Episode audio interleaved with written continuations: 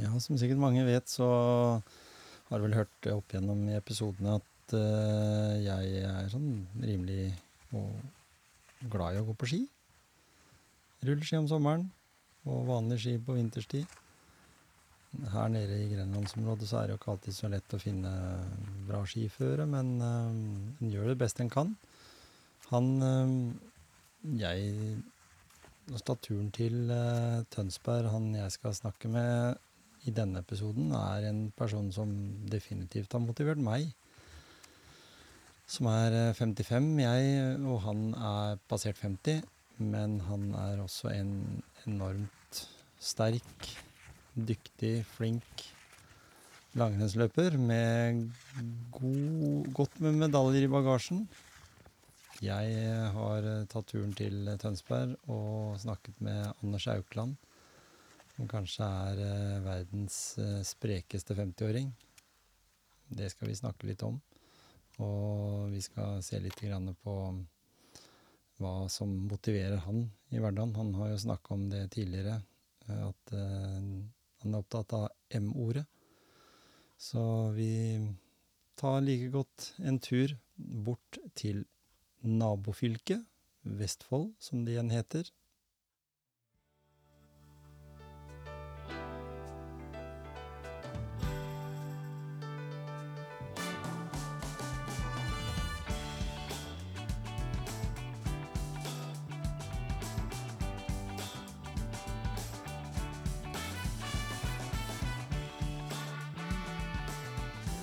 Motivasjonspreik er tilbake, alltid på en fredag.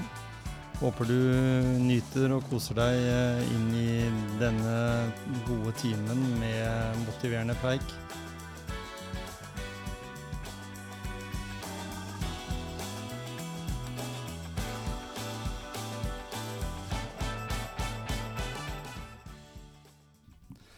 Ja, da er jeg til en fantastisk fin utsikt her i Tønsberg. Rett utenfor Tønsberg. Her treffer jeg Anders Aukland. Velkommen til motivasjonspreik. Jo, takk for det. Ja. Eh, Det var hyggelig at du hadde tid til dette her oppi, som du nevnte, Vasabobla. Ja, det er jo midt i den Vasa-bobla nå for siste gang, egentlig. Så uh, Vasaloppet er jo høydepunktet på sesongen, og det løpet jeg har egentlig sett fram til hele siden i sommer. Ja, ikke sant? Så akkurat nå er det mye trening, og så gode forberedelser jeg kan. Og så, så er det jo siste gangen, så er det litt sånn spesielt. For etter det så blir det jo ikke så mye skirenn på meg, så jeg går par renn til etter Vasaen i år, og så er det jo er jo egentlig slutt med å være toppidrettsutøver, da. Men, mm. men eh, nei, så jeg nå bare nyter jeg hver dag jeg har fram mot Vasan. Ja, og, Men allikevel så er det jo mange som går Vasan uten å være toppidrettsutøver, da. Ja, absolutt. Det er jo det som er eh, flott med den type skirenn da, som Ja. jeg har gått nå de siste åra. Det er jo at det er jo litt sånn som de store maratonløpa, som London Marathon og New York Marathon. Her er det høy, høy prestisje å vinne, og du har en eh, stor gjeng med de beste i verden som ønsker å vinne det skirennet. Og så har du mosjonister på alle nivåer. Ganske spreke mosjonister som er veldig ivrige. Prøver å være toppidrettsutøvere. Og så har du mosjonister som aldri har gått på ski før, som står Ja. bakerst der. Så det er en, eh, en stor eh, sånn en arena da, hvor alle samles, og det er eh, viktig for sporten. Jeg er imponert over de også, jeg bare ikke for å ikke ødelegge hele greia, men det, det, det er de som går baki der òg. For det er jo et lang, det er en lang og ganske slitsom løype, og så kommer de da med ryggesekk og, og, Ja, er, og sånn eh, type kostymer. Det blir en lang tur, det, altså. Så Nei, jeg syns jo det er eh, Det er jo kjempeflott med den type arrangement som Mm. f.eks. Vaseloppet er, da, eller Marcialonga og Birken og sånn. Det er jo det er jo sånne monumenter i langrenn som har veldig veldig høy prestisje å vinne. Som er Mm. veldig vanskelig å vinne. Krever spesialtrening. Og så er det store mål for mange som er glad i å gå på ski og er ganske spreke og kaller seg en sånn sprek mosjonist. Og måler seg mot andre, som liker egentlig konkurransen. Mm. Ja. Og så er det også et mål for de som, aldri, som egentlig ikke er glad i å konkurrere, men de må ha kanskje noe å trene mot. da. De skal jo delta i Vasaloppet en gang i livet eller noe. Ja. Og da er det lett, lettere å trene hvis du veit du skal stå på den starten en gang. Så de aller fleste som går Vasan, faktisk, de er sånne førstegangsåkere, som de kaller det i Sverige. For i Sverige så må du en gang i løpet av livet ha gått det rennet. Ja, ja, det er sånn, ja. Ja, Mm. det er det. Så litt, litt sånn som Birken på en måte er i Norge. Litt sånn som Birken, men jeg tror nok Vasaloppa Vaselopp har klart å legge lista litt lavere. Så har enda mer sånn laidback stemning der. Og Ja, ja. delta er viktig, men i Birken er det litt mer eh, ampere forhold for å gå fort, da. Men, eh, nei, men, men som sagt, sånne arrangementer er flotte, og det Ja. tror jeg er veldig viktig for eh, idretten. da, At Mm. det er eh, flere på samme start. Jeg har et par kompiser som har gått Birken, og jeg vet han ene har brutt noen ganger. Han blir alltid dårlig i magen. Ja, det er det mange som putter i seg mye sånne geller og mye rart de aldri bruker ellers. Vet du, så hører de om det, så da, det skjærer seg ofte. Så det gjelder å gjøre som normalt. Ja, er, ja det, det hadde jeg lyst til å høre om, skjønner du. Fordi jeg har en kompis en som heter Gisle som, som driver med triatlon, og han sier det at det ikke finn på noe rart når du skal konkurrere. For da spis den brødskiva du pleier å ha på det vanlige pålegget, og ikke gjør noe, noe spesielle ting. Er, er, det, er Ja. det kul? Det er ganske riktig, det. Altså. Det er jo sånn at eh, mange har mye spørsmål om mat og næring og spesielle ting da, du mm. gjør før en sånt, en lang konkurranse. Og det lønner seg å ikke gjøre noe unormalt. Gjør Mhm. det man er vant til. Eh, og hvis man har trent litt og prøvd noen lange skiturer eller løp før, så veit man at du må ha, litt, du må ha energi i kroppen. Ja. Så må du spise det som er lett å spise, som mm. kroppen er, magen tåler. Mm.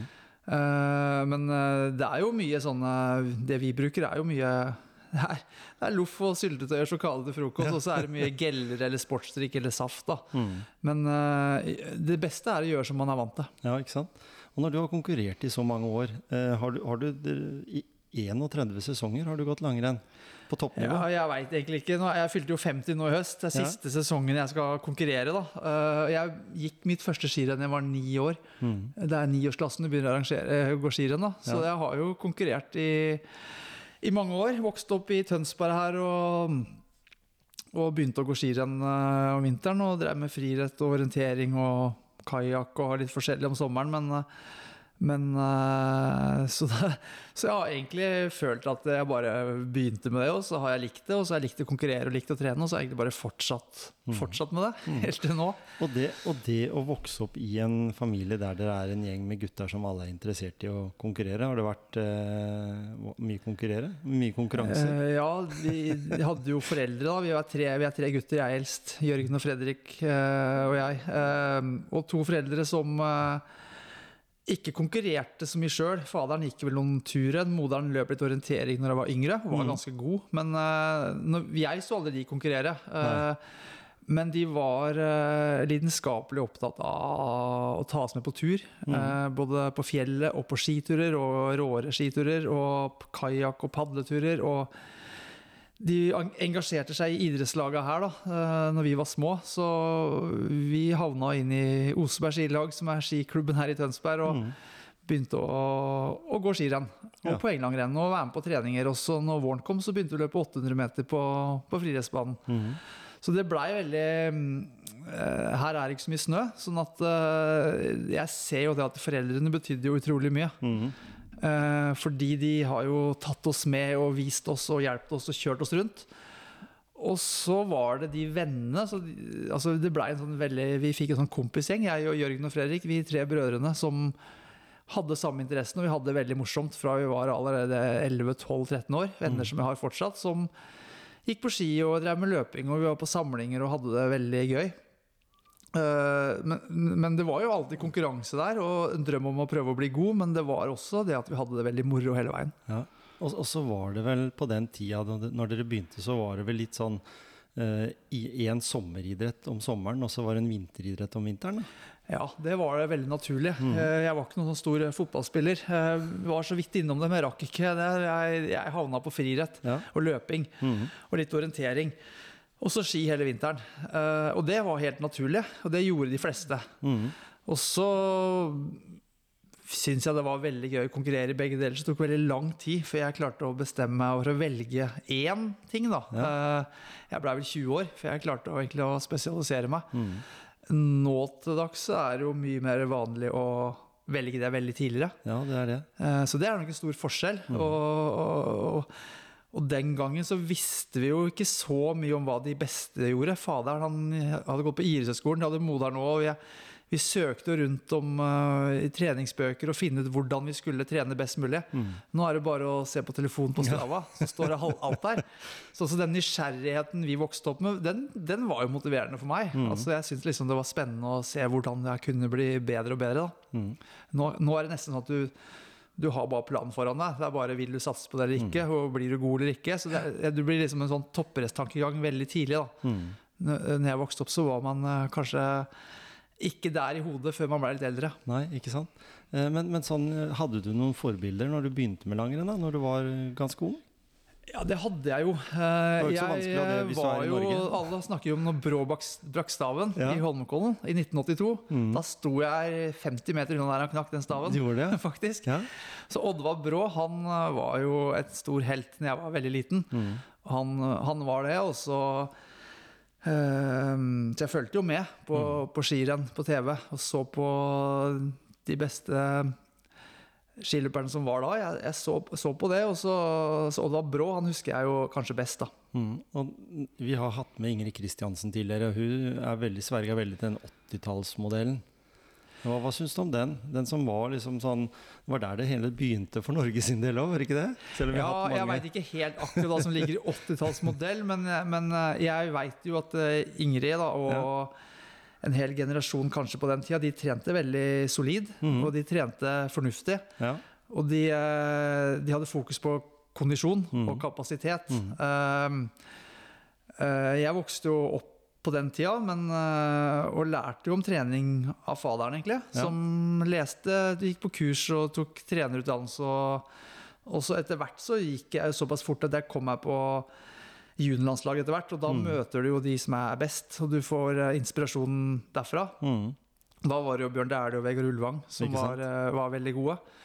Eh, Men det er jo veldig riktig det du sier. Man, man lærer jo om trening ut fra de, den kulturen, den, den idretten du vokser opp i. En Mm. roer har sine tanker om trening, og en skiløper har sine tanker, og en friidrettsutøver har sine. Og så er det litt sånn miks på kryss og tvers. Ja. Og Derfor syns jeg det var veldig gøy både å være i friidrettsmiljø og skimiljø. For det var Mm. litt forskjellig sånn, når jeg var med løp, løperne. De løp kortøkter, maks en time. Og det var eh, beinhardt mye av det. Mm. Med intervaller. Mye Ja. fart. eh, spurting. Eh, på ski så var det mye langturer og gampe i myra, da, eller løpe på, i Åsa, Undrumsdalsåsane, som vi har her i Vestfold. da. Mm. Um, litt annen type trening, men jeg, jeg følte at jeg fikk jo litt miksen av de to. Mm. Og det syns jeg var kjempebra, noe jeg dro kanskje nytta seinere. Ja. Sånn skademessig da, syns, syns du det var liksom en grei måte å ha litt variert trening? Eller, for du har holdt deg ganske skadefri? Ja, jeg, hadde, jeg løp på meg sånn trøtthetsbrudd da jeg var 15 år eller noe. For jeg har jo sett i treningsdagbøkene jeg trente mye. Jeg Ja. konkurrerte mye. Altså, jeg tror de eh, fleste ville nesten blitt litt skremt og sett hvor mye jeg trente. Mm. Men jeg, jeg, jeg, jeg syns uh, det ble liksom naturlig, for jeg, jeg var aktiv og konkurrerte både sommer og vinter. Mm. Og jeg trente ganske mye hardt og mye fart. Jeg var opptatt av å være med på alle konkurranser jeg kom over. Uh, Så det ga meg en bra kapasitet og en bra fart. Selv om jeg ikke er en sånn naturlig rask, så blei jeg ganske rask Mm. gjennom den friidrettstreninga. Mm. Nå Så jeg slapp unna de det meste med skader, men nå, nå ser jeg liksom at mange kopierer mer enn 25 års uh, trening enn som er voksen Mm. mange timer, det er intensitetssoner, det er bolker. Og og det blir liksom gjort når du er 14-15. Når jeg var 14-15, så bare hoppa jeg fra konkurranse til konkurranse. Ja. Altså det rakk jeg å trene det jeg gjorde imellom, egentlig. Mm. Og så har du hatt veldig fokus på styrke. Altså det har jo, du har hatt fokus på styrke sikkert hele tida, men lagt ekstra tyngde på det nå når du har blitt eldre? Ja, det har jeg. Eh, Jeg har sett noen sånne som, vanvittige sånne som skiløper da, så er det jo kondisjon er jo det viktigste. Altså Mm. oteopptak, kapasitet, kondisjon som du får med en blanding av lange og rolige turer og noen, en, en, noen intervaller. da. mm. eh, og konkurranser. Men eh, teknikk og styrke er jo òg veldig viktig ja. som skiløper. Um, og jeg trente veldig mye sånn type sirkeltrening da, som man gjorde i gamle dager. På, Det er jo en sånn Nå kaller man det crossfit, Ja. men eh, før så var det sirkeltre- sirkeltrening. Mm. Det gjorde jeg fra jeg var 10-11 år. ja. Og gjorde det hjemme i kjelleren med faderen og brødrene mine òg. Mm. Så det har jeg alltid trent. Eh, Så styrke har jeg alltid vært opptatt av. Nå var jeg ganske tynn og lett og løp fort. Jeg Var ikke blant den tyngste og sterkeste, men Styrka har jo vært en viktig del av langrenn hele tida, men det jeg har eh, gjort, det er jo at når jeg begynte å bli en veteran, begynte å bli for gammel for å gå fort på ski, da når jeg bikka 40, da så jeg det at jeg kunne utvikle styrketreninga. At jeg er like sterk nå, eller kanskje sterkere, enn jeg var da jeg var 25. Så jeg har tatt tak i styrke og kjørt med maksstyrke og gjort mer det. Og det tror jeg er bra i høy alder. Både for meg som konkurrerer, men òg for egentlig alle mosjonister og alle. Så kjør gjerne kondisjon når du er yngre, men når du blir eldre, gå over til mer styrke. Ja. Eh, Ja, for jeg, jeg er jo sånn typisk uh, ureksempel på en mosjonist. da. Jeg har jo spilt fotball i Ja. 40-50 år, og så Jeg la opp faktisk det året jeg ble 50, eller var 50. ja. Spilte jeg den høsten der, så ja det spilte jeg. Og da, da sa jeg det til uh, en kompis av meg som var, var trener, da, at uh, når jeg ble, styr, jeg ble en styresak, nemlig. Det ble tatt opp i styret at eh, skal vi prioritere han som er 50, eller han som er 19? Ja, ja, det er jo, jeg har jo noen konkurrenter på 19, jeg. Sånn at Ikke sånn? Så jeg tenkte med en gang at det, det behøver ikke være, vet du. Men, men, men det som var viktig, var jo at hvis Jeg pleide å si at hvis jeg hadde vært like god fysisk form når jeg var 25 som det når jeg var 50 så, men, men fotball er en idrett som du trener veldig dårlig. I, for, i forhold på, i hvert fall på breddenivå som jeg spilte. Ja, så du oppdaga liksom at du var bedre trent når Ja. du hadde blitt Ja. glad i å trene og erfart litt hva som måtte til. Og det, jeg har jo alltid trent mye, men, Mm. men jeg har jo sett med mye erfaring, da. Men jeg ser tilbake Det er ting jeg skulle gjort annerledes. Og jeg skulle trent eh, bedre styrketrening tidligere. Mm. Jeg skulle kanskje vært mer sånn spesifikk i noe av treninga mi tidligere. Uh, og retta det mer inn mot sånn konkurranselik trening. Mm. Eh, sånn at det, men, men eh, Og det er jo Det er jo ting som har vært motiverende for meg. Da, at jeg har lært ting underveis. At jeg har liksom uh, vært nysgjerrig på uh, hva noen andre gjør, i, de beste gjør. Jeg har vært nysgjerrig på hva de som er yngre gjør. Når Klæbo og liksom, Jeg har vært nysgjerrig på hva de gjør. Og så har jeg vært nysgjerrig på andre idretter. Og da har jeg særlig sett det litt til løping, men kanskje mest til sykkel og litt til kajakk. Mm. Kajakk har jo en sånn styrkebit som er mer eh, større der enn på ski. Mm. Og sykkel det ligner jo litt på den type skirenn vi går, som Ja. går i tre og fire timer, og så skal du spurte, da. Mm. Sånn at det har jo vært eh, Jeg har vært nysgjerrig og sett på det. Ja. Og jeg har lært ting med trening, men ja, altså Jeg skulle gjerne gått tilbake i 20 år og gjort det på nytt, noe av det. Ja, ja jeg, jeg følte i hvert fall det at eh, Men, men det- kanskje det som var aller mest, det var at den fikk bedre tid. Ungene ble større. Du hadde ikke liksom småbarn i heimen og måtte liksom skyve på det. For jeg, jeg vet jo det at eh, du har nok eh, måttet stikke av fra noen situasjoner i heimen du òg for å ta den treninga. fordi det nytter ikke å hoppe over trening hvis du skal vinne renn. være- Nei, det er sånn som Så jeg går litt langt tilbake i tid, før jeg har tre, tre unger nå, jeg. Eh, før jeg fikk de, så var jo livet veldig sånn enkelt å leve som et toppidrettsliv. Det Mhm. var uh, Sto opp, spiste frokost, trente. Kom inn, spiste lunsj, la meg slappe, slappe av. Og så studerte jeg, da. Ja. Og det gjorde jeg jo så enkelt jeg kunne hjemmefra mye. Mm. Møtte opp når jeg måtte, og så trente jeg igjen. Ja. To økter hver dag. Mm. Mye hvile, eh, tid til å fokusere på trening og restitusjon. da. Ja. Men jeg følte jo jeg hadde fine dager og fikk gjort egentlig det jeg ville, men når du plutselig får barn og du får eh, Da, da er det mer slitsomt å trene, og da må du begynne å stokke litt på hverdagen. Og Ja. du må begynne å prioritere litt, og du må begynne å kanskje trene på vei til jobb. Eller hvis du, for jeg har jo fått noen sånne jobber underveis òg. Ikke noen, en vanlig jobb, men jeg, jeg har jo noen ting jeg driver med, og da bruker jeg gjerne forflyttelse som trening. da. Jeg går på Mm. rulleski til et møte. da. ja? Så drar jeg på meg skjorte, og så har jeg møte, og så går jeg på rulleski hjem igjen. Og jeg prøver å være effektiv. Og så når jeg ser tilbake når jeg var 25 og var ganske sløv, da kanskje, i forhold til jeg har blitt eh, mer effektiv, da ser jeg at jeg hadde jo tålt mer trening. Jeg Ja. kunne trent en år året. Mm. Det ser jeg jo. Jeg tror, jeg tror sånn For min del da, så ser jeg ungene når de kom når vi var 4-25. Vil jeg nå si de, fem, nei, de ti åra fra 25 til 35 var kanskje de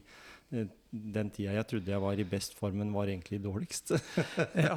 Så da, da, da ble jeg litt sånn småskada. Og, og, men, men jeg vokste opp på den tida det gikk an å spille fotball og ha en liten pudding. vet du. Jeg, Ja. Ikke at jeg har hatt det, men det var jo kollegaer på laget som hadde det. Og, og sånn, og i dag så ser vi jo en fotballspiller på toppnivå i hvert fall har jo en fysisk eh, styrke som, som er jo en toppidrettsutøver verdig, på en måte. Hvis du Ja, ser det er jo en idrett som, eh, som er veldig fysisk. Så det skal jo, der bør man ha mye styrketrening og en viss kondisjon. Trener jo ikke overkroppen før. vet du, Roar Strand og disse gutta de trena jo ikke overkropp. Det var jo stort sett eh, rygg og mage, og, og så var det resten nedover. ja, ja.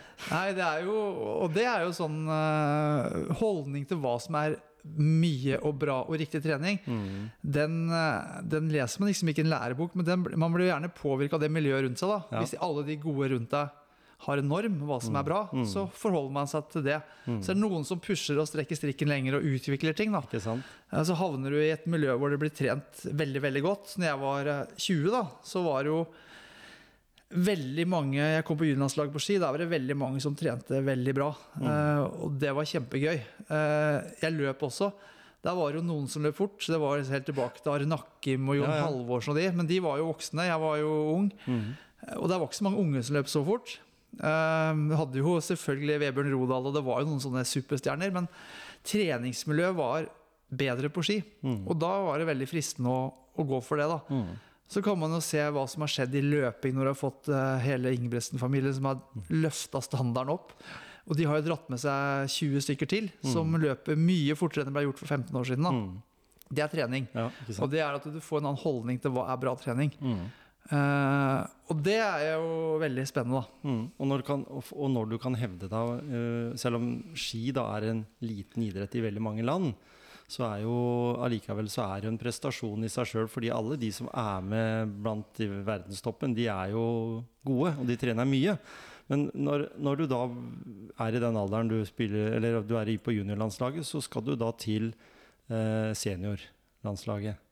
Og, og, og det å komme med på landslaget i Norge innen langrenn var jo den gangen også, og som det er i dag, sikkert eh, noe av det vanskeligste som er her i verden når det Ja, gjelder ski. det er, det er eh, veldig hard kamp om de plassene. Og Ja. da blir jo nivået veldig sånn spissa. Mm. Uh, og det er sånn vanskelig å si noe om nivået ut ifra eh, liksom hvor mange nasjoner som er med i idrettene. Men det er jo klart noen kjempestore idretter, Mm. sommeridretter. Men jeg vil jo se at det er, si at det er rimelig høyt nivå i langrenn. Det er veldig Mm. mange som trener veldig, veldig godt.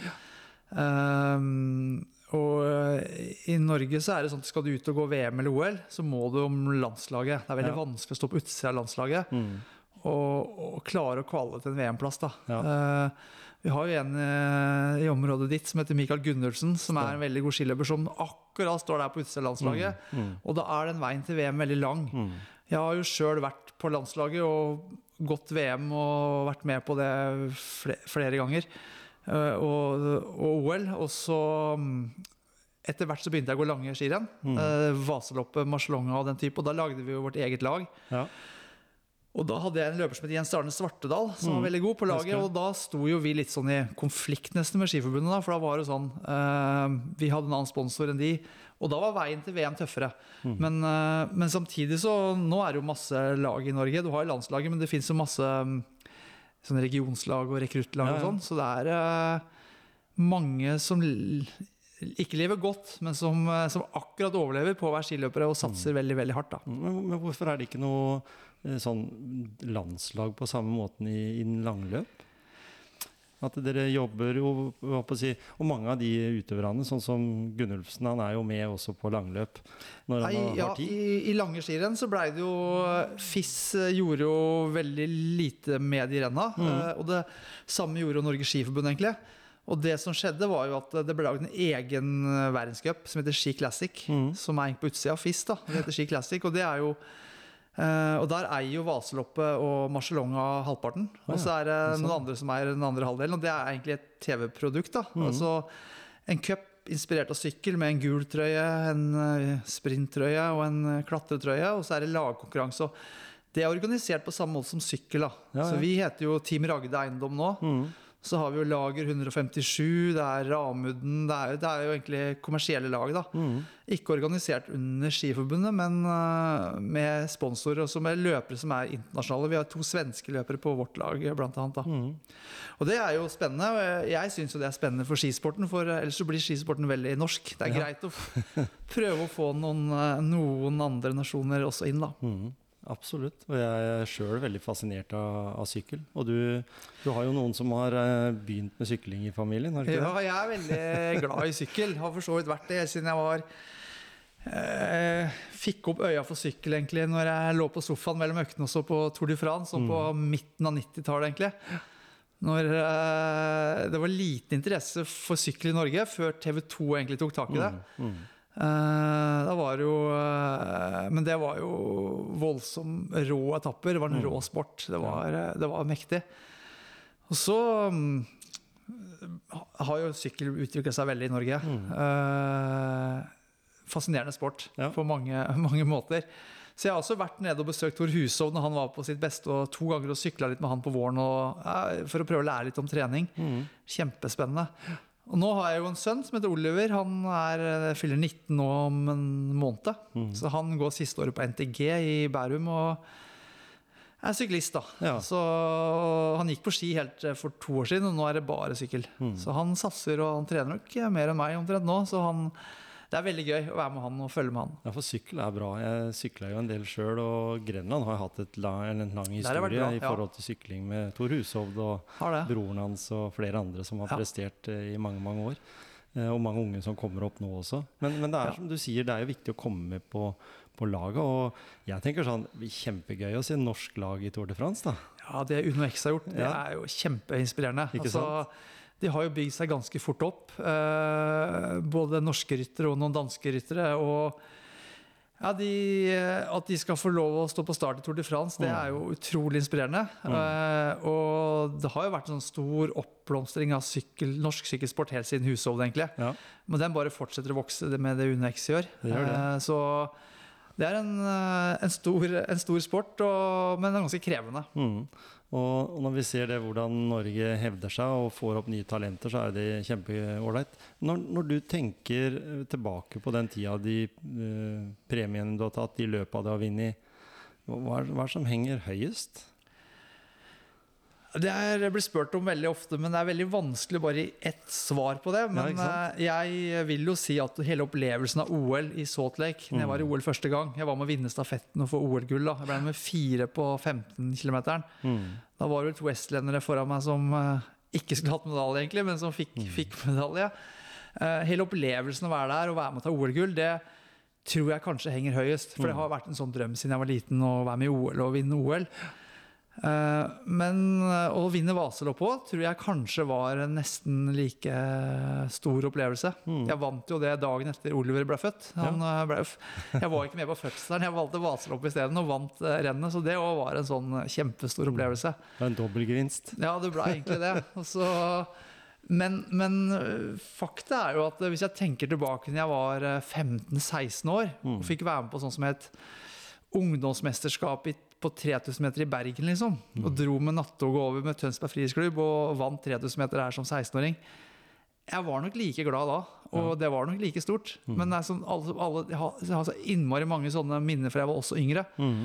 Alltid lett å si det er gøyest å vinne OL, men jeg tror opplevelsen av mange andre konkurranser da jeg var yngre, var, Mm. Var egentlig like store. For, for, for når vi snakker om motivasjon, da, hva var liksom som, den starten du fikk der, var det din egen måte å bli motivert til å fortsette? Og fortsette og fortsette og fortsette? Og liksom, for du, du gjennom det å drive masse forskjellige idretter, så har du jo fått Ekeberg ærespris. Ja, ja det er jeg, jeg, jeg, vi, har snakket, Vi har snakka mye om motivasjon. Jeg synes det er veldig sånn Det inneholder så mye, Mm. ordet motivasjon. Um, og mange spør meg da hvordan er du motivert til å gå I dag har jeg gått fire timer på rulleski i sånn grått vær her i Tønsberg. For Mm. jeg gadd ikke å kjøre til Sande for å gå på ski da, så jeg trente styrke, og så gikk jeg fire timer på rulleski. Og så, Åssen orker du å motivere deg for det? Blir, det, det? Det er mange som spør meg om. Mm. Men, eh, men det er ikke noe hvis du har et mål om å prøve å gå fort i Vasaloppet. For jeg veit at det her funker veldig bra.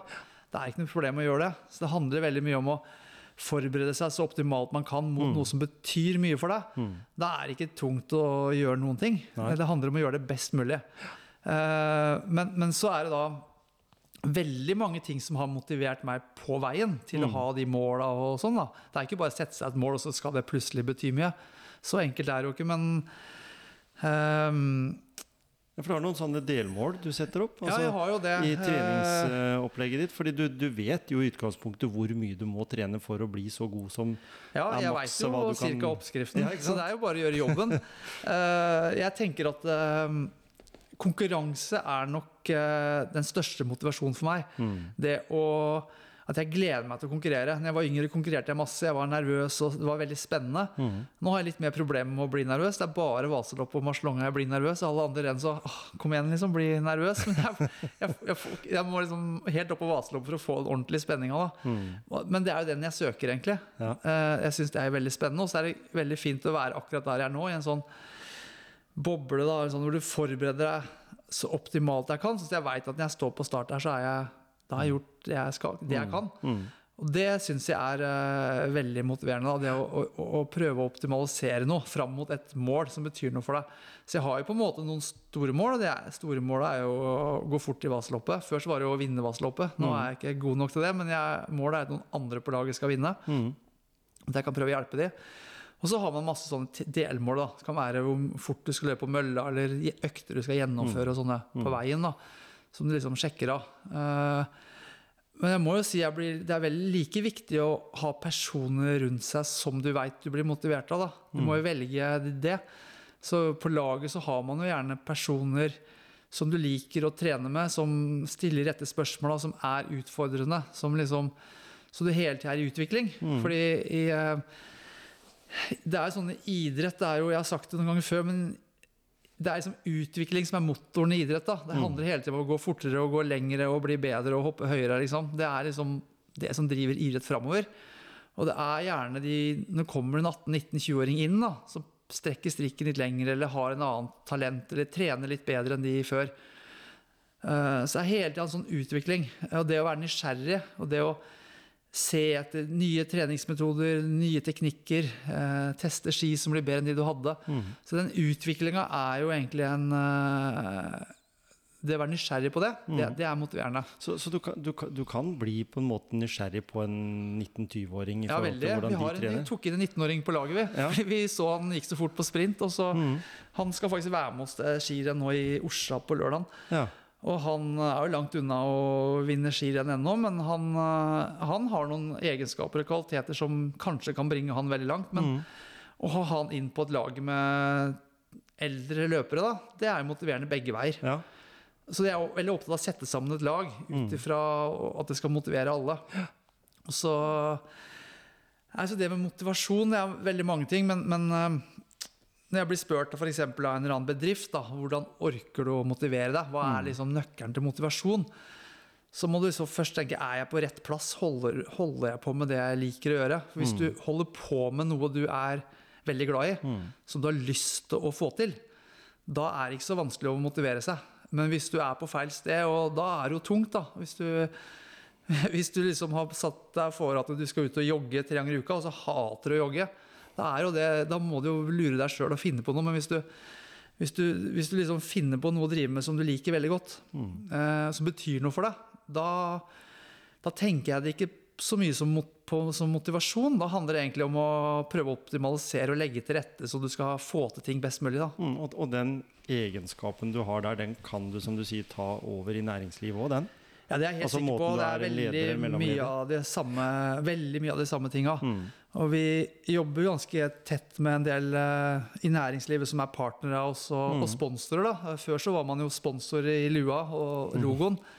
Nå er man mer at man gjør ting sammen og prøver å overføre litt erfaringer, prøver å inspirere hverandre. Mm. Og jeg ser jo den uh, Altså, Edgar Haugen, han er da um, sjefen i Ragde Eiendom. Uh, og jeg blir jo noen ganger så skulle jeg tro at vi, vi som idrettsutøvere skulle komme inn der for å motivere noen, men det er jo motsatt. De gutta der de, er, eh, de presterer bra på det de holder på med. Jeg kjenner jeg blir motivert av å henge litt med de òg. Mm. Så jeg tror de som er opptatt av å få til viktige mål i f.eks. næringslivet, de jobber på akkurat samme måte og tenker på veldig lik måte som man gjør i idrett. Da. Det handler om man er på en plass hvor man har lyst til å få til noe bra. Ja. Og hvordan tenker du da om eh, den bobla som veldig mange toppidrettsutøvere er i, da, som ikke du, du får så direkte connection til eh, ja, Sånn som nå, da, som du sier at du kjenner den bedriften, du kjenner de som er sponsorene, du kjenner nettverket, du kjenner lederen og, og, og mellomledere og sånn. Eh, den, den greia får du vel ikke så veldig innsyn i når du er på landslaget. Du liksom får lagt veldig forholdene til rette. Ja, veldig, Det er helt riktig. Ja, det, og det, særlig når yngre utøvere òg. Ja. Der tenker du mer på øh, Der tenker man mer på at man er idrettsutøver, du har lyst til å være på treningssamling, du må ha en sponsor, så du har råd til det. Og så tenker man bare på sponsorene som litt sånn pes, og så er øh, de idrettsutøverne rundt deg som du forholder deg til. Ja. Men uh, når jeg har holdt på en del, da, nå har jeg holdt på veldig mange år, jobba, hatt mange egne lag, vi har hatt ekstrapersonell, vi har hatt Santander-laget, nå har vi Ragde som sponsor. Og Mm. Da kommer du litt ut av den der litt enkle bobla tilværelsen du har som en ung idrettsutøver. Så ser du litt større på ting. Mm. Og idrettsverdenen er ganske sånn liten, så det er veldig sunt å kanskje forholde seg litt til utafor, da. Ja. Og da lærer du veldig mye. Og hvis du står litt på begge sider, så får du et helt annet forhold til idretten òg. Ja. Og da, da vil man kanskje se at eh, idretten har vel så mye å lære av næringslivet som motsatt. Ja, Men det det, eh, du. det tror jeg nok. Men eh, det handler egentlig om å, å kanskje kunne stå, se litt ut av sin egen boble noen ganger. Det er viktig. Mm. Og når vi tenker disse her sponsorene, så vil de kanskje ha igjen litt mer i dag enn det det var, var før. Ja, de er opptatt av andre ting, Ja. Det- og de er mye mer målretta. Mm. De vil ha ting tilbake Ja. i form av kultur eller i form av synlighet eller i form av en eller annen verdi. Da. Mm. Det er ikke veldedighet, på en måte. Det er Mm. Nei. ikke bare den logoen.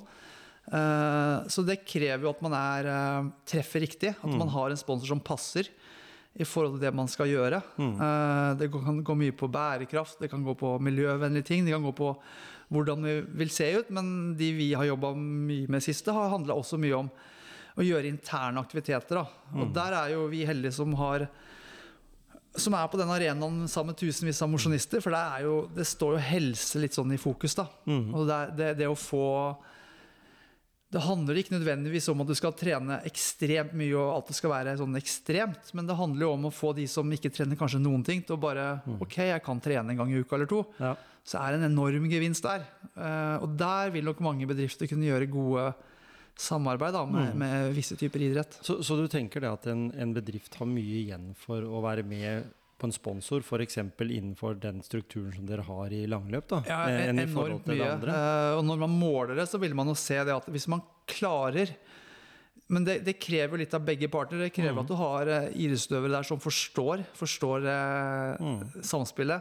Og at eh, bedriften går litt langsiktig inn det og ser og, og jobber litt seriøst med det, så vil Mm. man kunne løfte løfte en del verdier da, i en Ja, bedrift. Som vil skape kanskje mindre sykefravær eller bedre resultater. For det er det man, man ønsker jo bedre resultater der òg. Mm.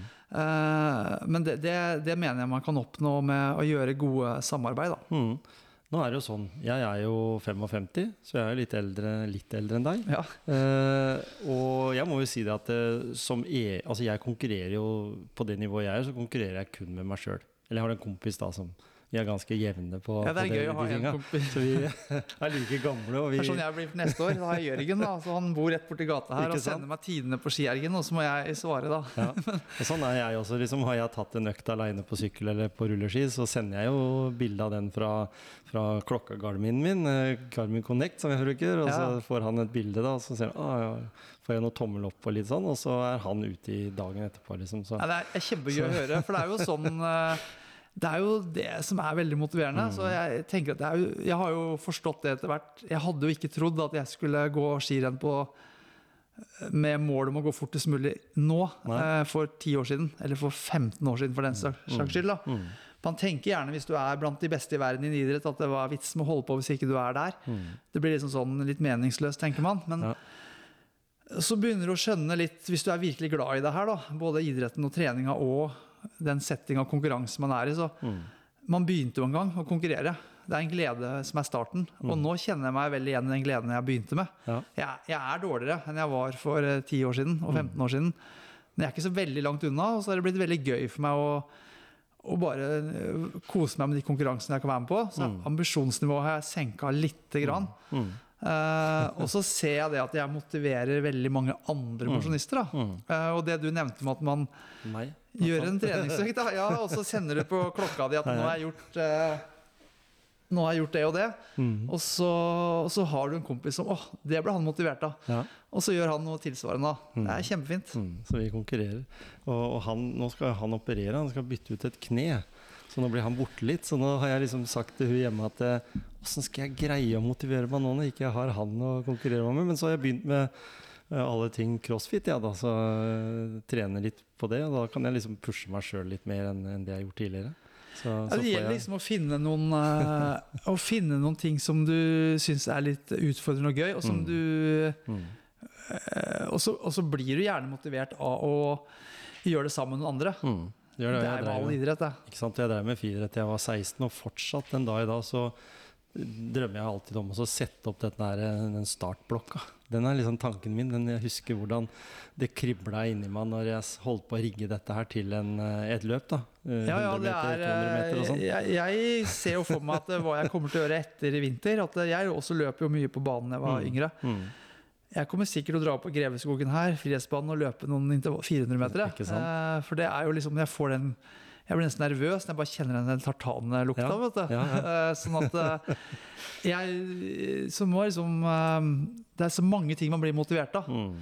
Så må man finne det som er spennende og gøy og litt individuelt, tenker jeg. Og så er det vel aldri for seint å på en måte få den der eh, følelsen av at en har lyst til å konkurrere. At den, at det, sånn som jeg tenker at Jeg har jo ikke vært i Birken, jeg har ikke gått Vasa, jeg har ikke vært i Marcialonga, men jeg har en, en sånn drøm om at jeg skal gå Vasalopp eh, til, til neste år da, som mosjonist. Altså, for da i år så blir det litt kleint i og med at han skal operere 4. 4. mars. Ja, ja. Og så er jeg ikke noen sånn treningskompisen min. Så, så jeg tenkte det at det, det er liksom én målsetning jeg har. Men så er jeg veldig glad i å sykle òg, så jeg liksom var inne og kikka her eh, her et par, par dager siden om den her du kan sykle Vasaloppet. da, i de fint, mila, Bare for å bli kjent med området, da. Så vi Jeg får tror, se. hun må, jeg tror hun må tenke fint å tenke sånn det, det er ikke bare én konkurranse. Det er Nei. liksom hovedløpet, og der har du en resultatliste. Mm. Det er jo den, jeg er jo vant til å, være med der og blitt Ja. målt uh, på den resultatlista hver eneste helg siden jeg var ti år. Mm. Men det fins jo så mange typer konkurranser, da. Altså, Du kan godt kalle konkurranse konkurranse men, men det å bare delta på en konkurranse Mm. for å oppleve For det er en stor opplevelse å være med på mange av de store arrangementene.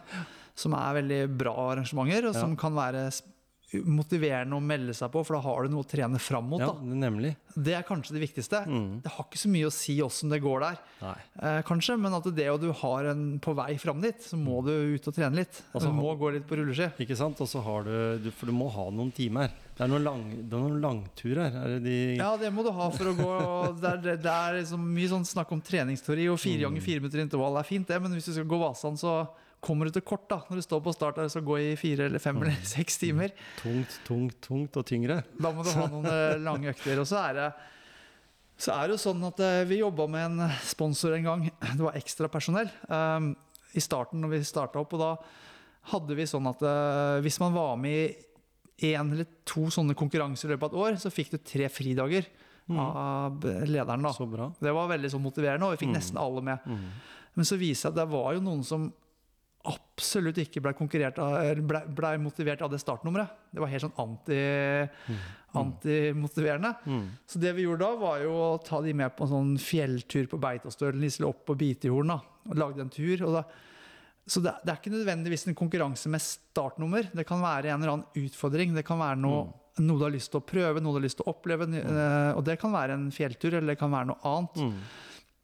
Eller, eller at du er inne på Strava og ser hva andre gjør, så kan du prøve det samme. Så det er ikke alltid det derre du må startnummer. Nei, Men det fins veldig mange nivåer da, av noe som kan være en sånn motivasjonsgreie. Mm. Ja, for du har det her eh, hun jeg eh, er gift med. Hun er jo, holdt på å si, syns det er det tyngste ordet som fins her i verden. Det, heter, det er ordet trene.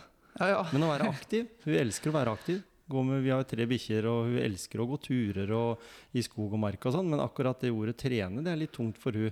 Sånn i forhold til at uh, da ser hun forpliktelser med en gang og, og masse sånn, istedenfor at det er ikke helt Men hun svø, altså, er fantastisk god til å svømme, så når hun er ute i basseng og og tar uh, x antall lengder, så er jo jeg langt, langt bak. Jeg, jeg, jo, jeg svømmer jo ikke bra.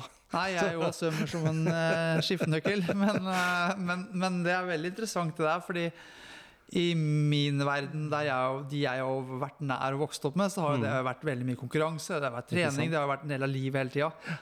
Uh, og hun jeg er gift med nå, som Mm. du gikk forbi her, hun, uh, hun uh, har ikke gjort det. Nei? Men jeg ser jo, det går jo an å like å være aktiv, det går an å like å dra på turer, det Mm. går an å like å gjøre fysiske ting. Ja, ikke sant? Uh, så det handler Så jeg tror at det med å kategorisere hva man kaller trening, konkurranse eller ingenting, Mm. det, sånn er det jo ikke.